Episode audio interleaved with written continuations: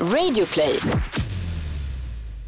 Välkommen till ännu ett avsnitt av Misslyckade brott. Jag heter Mattias Bergman.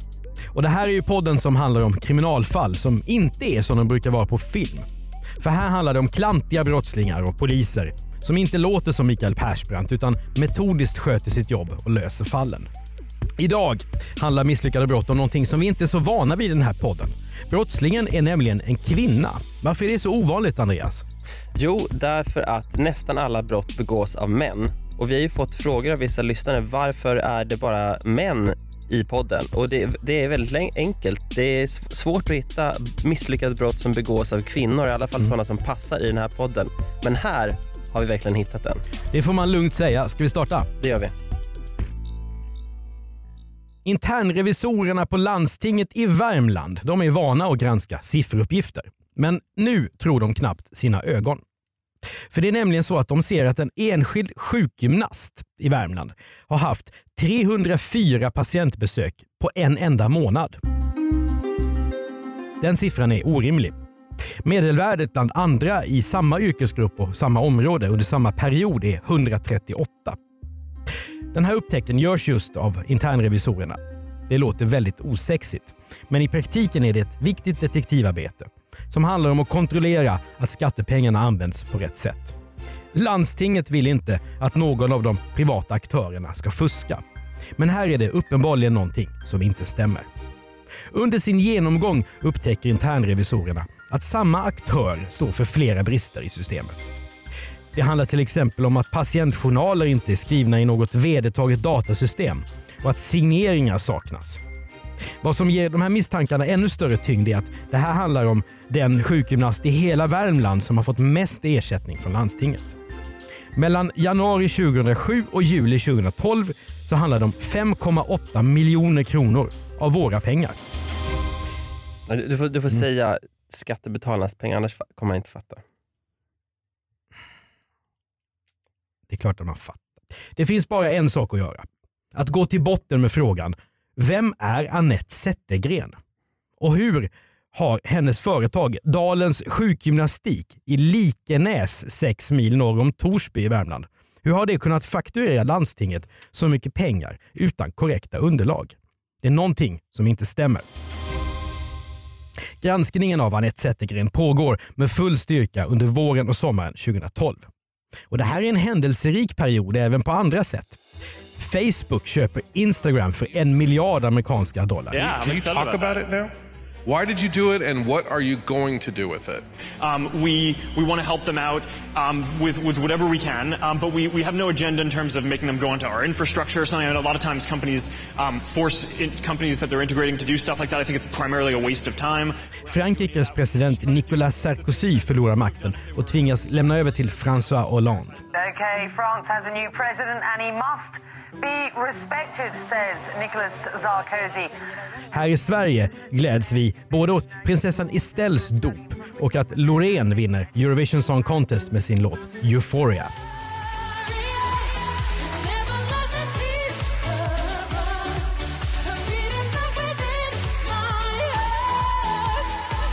Kanske nynnar internrevisorerna vid landstinget i Värmland på den här låten när de går till botten med misstankarna mot Anette Zettergren. Vem är den här kvinnan egentligen? Jo, hon är 57 år gammal och bor i Branäs. En halv mil från sin mottagning i Likenäs tillsammans med sin sambo som har ett åkeri. Anette Zettergren kommer ursprungligen från Uppland. Genom sitt politiska engagemang för Moderaterna är Anette Zettergren också en lokal makthavare. Det är nästan som att hon försöker slå svenskt rekord i att sitta i styrelser och utskott. Ur hennes politiska CV kan vi läsa att hon är ledamot i landstingsfullmäktige och landstingsstyrelsen, ordförande i hjälpmedelsnämnden, ledamot i sjukhusutskottet och i folkhälsa och tandvårdsutskottet, ledamot i polisstyrelsen, ersättare i kommunfullmäktige samt vice ordförande i överförmyndarnämnden.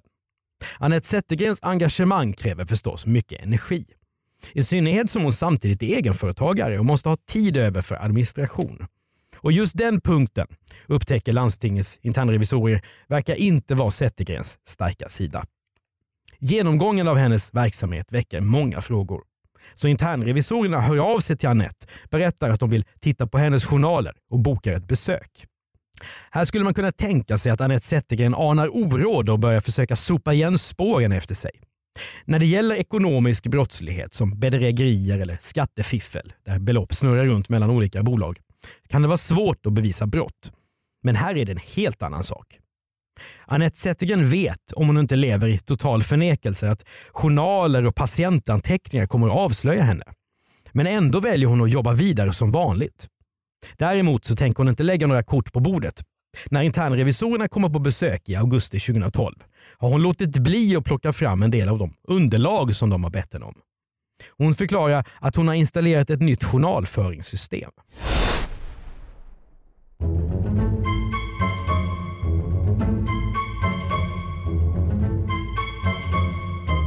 När internrevisorerna står på sig så beter sig Anette som ett tjurigt barn. Hon vägrar berätta var materialet finns, men bedyrar att det handlar om ett säkert ställe. Och utredningen talar sitt tydliga språk. Anette Zettergren har fuskat sig till ersättningar. Dessutom har hon gjort det på ett förbluffande klumpigt och genomskinligt sätt. Zettergren har till exempel begärt ersättning för patientbesök på mottagningen samma dag som hon bevisligen har varit på sammanträde i Karlstad. Under en dag har hon begärt och fått ersättning för hela 21 patientbesök, trots att hon inte ens har befunnit sig på jobbet. Dessutom ska hennes sambo, som är en fullt frisk man i sina bästa år, enligt hennes anteckningar ha gjort tiotals besök på företaget Dalens sjukgymnastik. Det saknas också journalanteckningar som gäller vissa av Anette Zettergrens patienter. Och så är det ju det här pikanta att varje patient som har sökt hjälp på Dalens sjukgymnastik har gjort så otroligt många fler besök hos sin sjukgymnast än vad andra värmländska patienter har behövt. Hur mycket akupunktur kan invånarna i det lilla Likenäs egentligen behöva? Här finns med andra ord väldigt mycket att reda ut. Kan det trots allt finnas någon naturlig förklaring? Eller är Anette Zettergren bara osedvanligt slarvig? Har hennes starka lokala politiska engagemang gjort att ordningen i bolaget fått komma i andra hand? Internrevisorerna bokar in ett uppföljande möte med henne. Det ställer hon in. Då bokar de ett nytt möte som också ställs in. Det här blir droppen. Det är uppenbart att moderatpolitiken försöker förhala processen. Så den 22 augusti 2012 polisanmäler landstingsdirektören i Värmland Anette Zettergren för grovt bedrägeri. Det visar sig att hon genom åren har fuskat till sig drygt 4 miljoner kronor av skattebetalarnas pengar. Rakt ur landstingets kassa har pengarna landat i hennes allt rymligare fickor.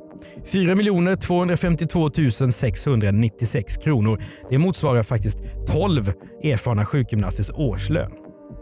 Om Anette Zettergren hade valt att lura till sig små summor i långsammare takt så hade kontrasten mellan henne och hederliga fysioterapeuter inte varit så stor och då hade hon kunnat bluffa betydligt längre och mer.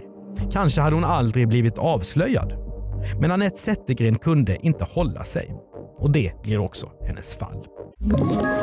Ett poddtips från Podplay. I podden Något Kaiko garanterar östgötarna Brutti och jag, Davva, dig en stor dos skratt. Där följer jag pladask för köttätandet igen. Man är lite som en jävla vampyr. Man har fått lite blodsmak och då måste man ha mer. Udda spaningar, fängslande anekdoter och en och annan arg rant.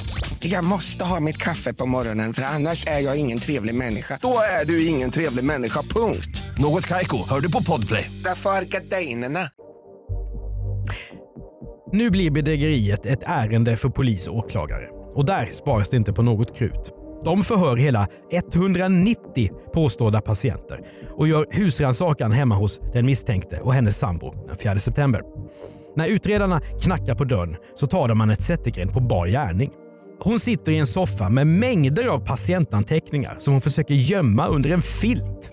Men den desperata manövern är förgäves. Polisen går därifrån med flera kassar av bevismaterial under armarna. Kvitton, patientjournalmallar, handskrivna, maskinskrivna patientjournaler och kollegieblock som är fyllda av noteringar. Utredarna beslagtar också tre datorer där andra patientjournaler hittas. När polisen förhör de här patienterna som Anette Zettergren har begärt ersättning för visar det sig att många faktiskt har vårdats av henne, men inte alls i så stor omfattning som de falska journalerna visar. Men Anette har också varit fräckare än så. För hon har nämligen i sina kalendrar skrivit in namn och personnummer och frikortsnummer på personer som aldrig ens har varit hennes patienter.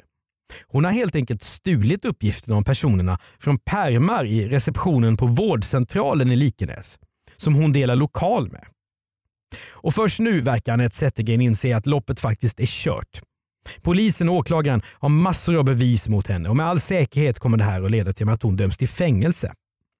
Hennes desperation tycks nå en topp. Anette Zettergren gör som många andra kriminella. Hon flyr till Thailand.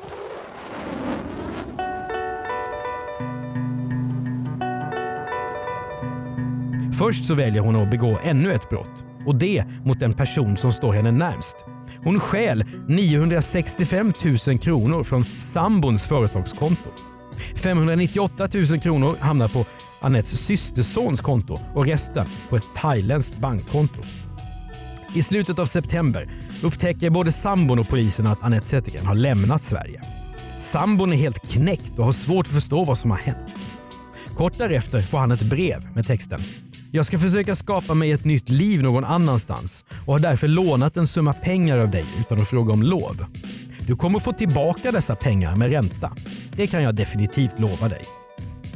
Eftersom Anette Zettergren har fört över stora belopp till Thailand så är det lätt för utredarna att räkna ut var hon befinner sig. Och nu gäller det bara att få den lokala polisen att hitta och gripa den efterlysta svenskan. Det tar tid, men i februari lyckas Expressens reporter Mikael Töpfer, som bor och arbetar i Thailand, han lyckas hitta Anette. Grannarna i det tropiskt vinterheta lägenhetskomplexet berättar att den svenska kvinnan kallar sig för Margareta, eller Maggan. Och Margareta är också Anettes mellannamn. När Mikael Töpfer konfronterar bedragerskan så svarar hon nej, nej, nej, nej, det är inte jag. Men Expressens smygtagna bikinibilder från poolen i Pattaya ljuger inte. Sambon bekräftar hemifrån Sverige att det är Anette Zettergren och ingen annan på bilderna. Två dagar senare ställer hon upp på en knapphändig intervju i Expressen. Klädd i turkost linne och med en vattenflaska i handen. Överhuvudtaget är jag väldigt förvånad att den information kommer via media. Polisen känner väl till min e-postadress, klagar hon. Och på frågan om Anette Zettergren har berättat för sina nya vänner i Thailand att hon är efterlyst för brott i Sverige så svarar hon ja det är ingenting jag har varit hemlig med. För Expressen och svenska folket så är namnet Anette Zettergren nu en del av en lång tradition av fifflande politiker. Men det som gör den här affären extra upprörande är att Anette Zettergren har flytt till värme och lyx och dessutom har blåst till stackars sambo på pengar. Hon blir en perfekt symbol för hycklande politiker som ska värna väljarnas och samhällets bästa men i själva verket bara skor sig själva. Inte blir det bättre av att medierna gräver fram gamla uttalanden där Anette Zettergren har klagat på den höga skatten i Sverige. Det är ju pengar som hon har stulit nu och spenderar från poolkanten. Ingen ska dömas ohörd, men bevisningen mot Anette Zettergren är tung. Frågan är istället om hon någonsin kommer kunna ställas till svars. För att när hon valt att sticka till Thailand så beror det inte bara på det 35 grader varmt och att en pad thai kostar 15 spänn utan också på att landet saknar utlämningsavtal med Sverige. Den juridiska processen blir krånglig och långsam. Åklagaren Barbro Brännlund berättar lätt uppgivet att både justitiedepartementet och Sveriges ambassad i Bangkok är involverade. Och Det tar en hel vecka bara att översätta viktiga dokument från svenska till thai. Det här är ju ljuv musik för Anette Zettergren som får gott om tid på sig att försöka försvinna. Ska hon ta chansen och fly till de närliggande länderna Laos eller Kambodja och leva där under radarn? Men det gör hon inte, för märkligt nog stannar Anette Zettergren kvar i Thailand. Och till slut kommer rättvisan ifatt henne. Den 22 mars grips löpsedelskändisen Anette av den thailändska polisen. Efter att under några dagar ha flyttats mellan olika häkten som beskrivs som skräckplatser där internerna trängs i överfulla stålburar, ja då skickas Anette tillbaka till Sverige.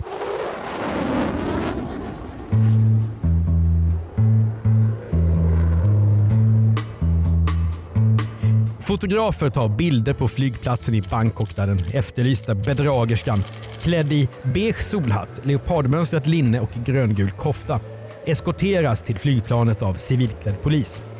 Tillbaka i Sverige ställs hon inför rätta åtalad för grovt bedrägeri. Även systersonen som Annette har fört över pengar till och som har varit med henne under månaderna i Thailand, han åtalas för brott. I hans fall penninghäleri.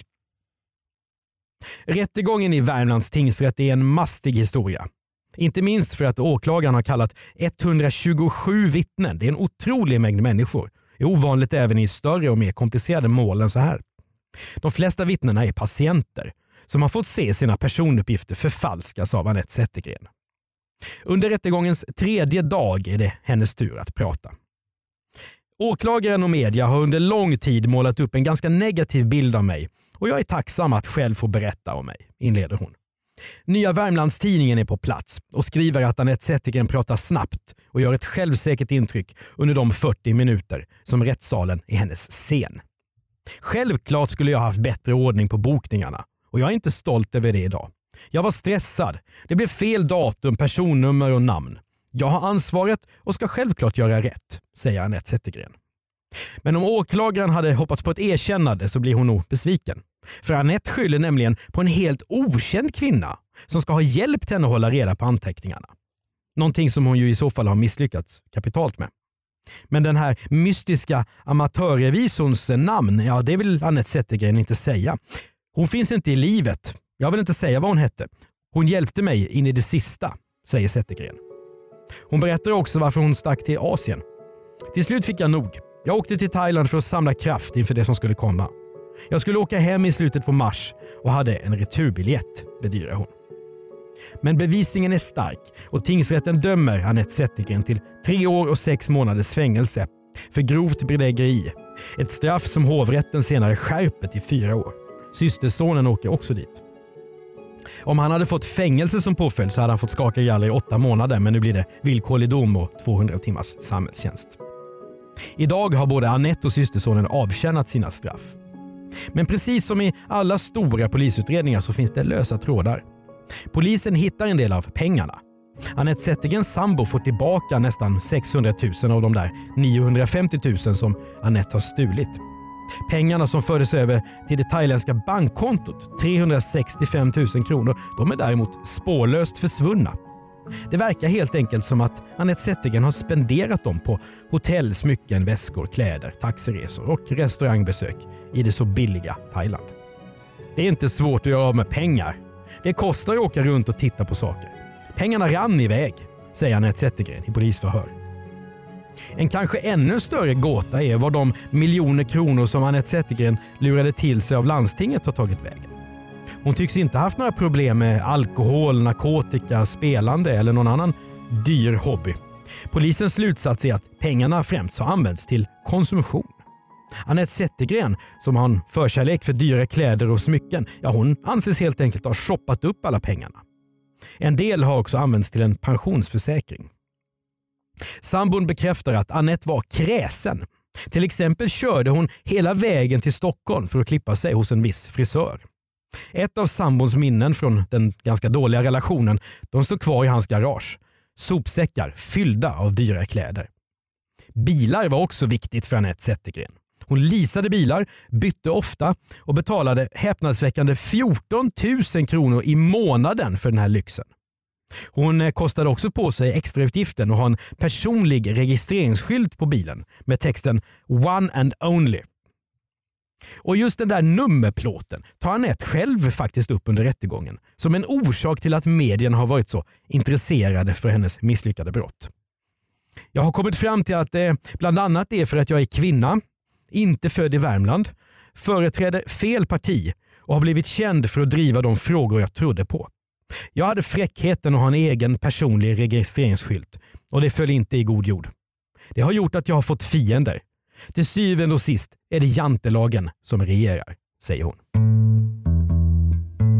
Du har hört ett avsnitt av Misslyckade brott. Jag heter Mattias Bergman och är podden tillsammans med Andreas Utterström. Exekutiv producent är Jonas Lindskov. Prenumerera gärna och betygsätt oss i iTunes. Och om du själv har tips på ett misslyckat brott som vi borde prata om i podden, mejla gärna till misslyckadebrott@bplus.se. Mm. Det är ganska odramatisk. Eh... Den har ju lite Värmlands skog i sig ja. i själva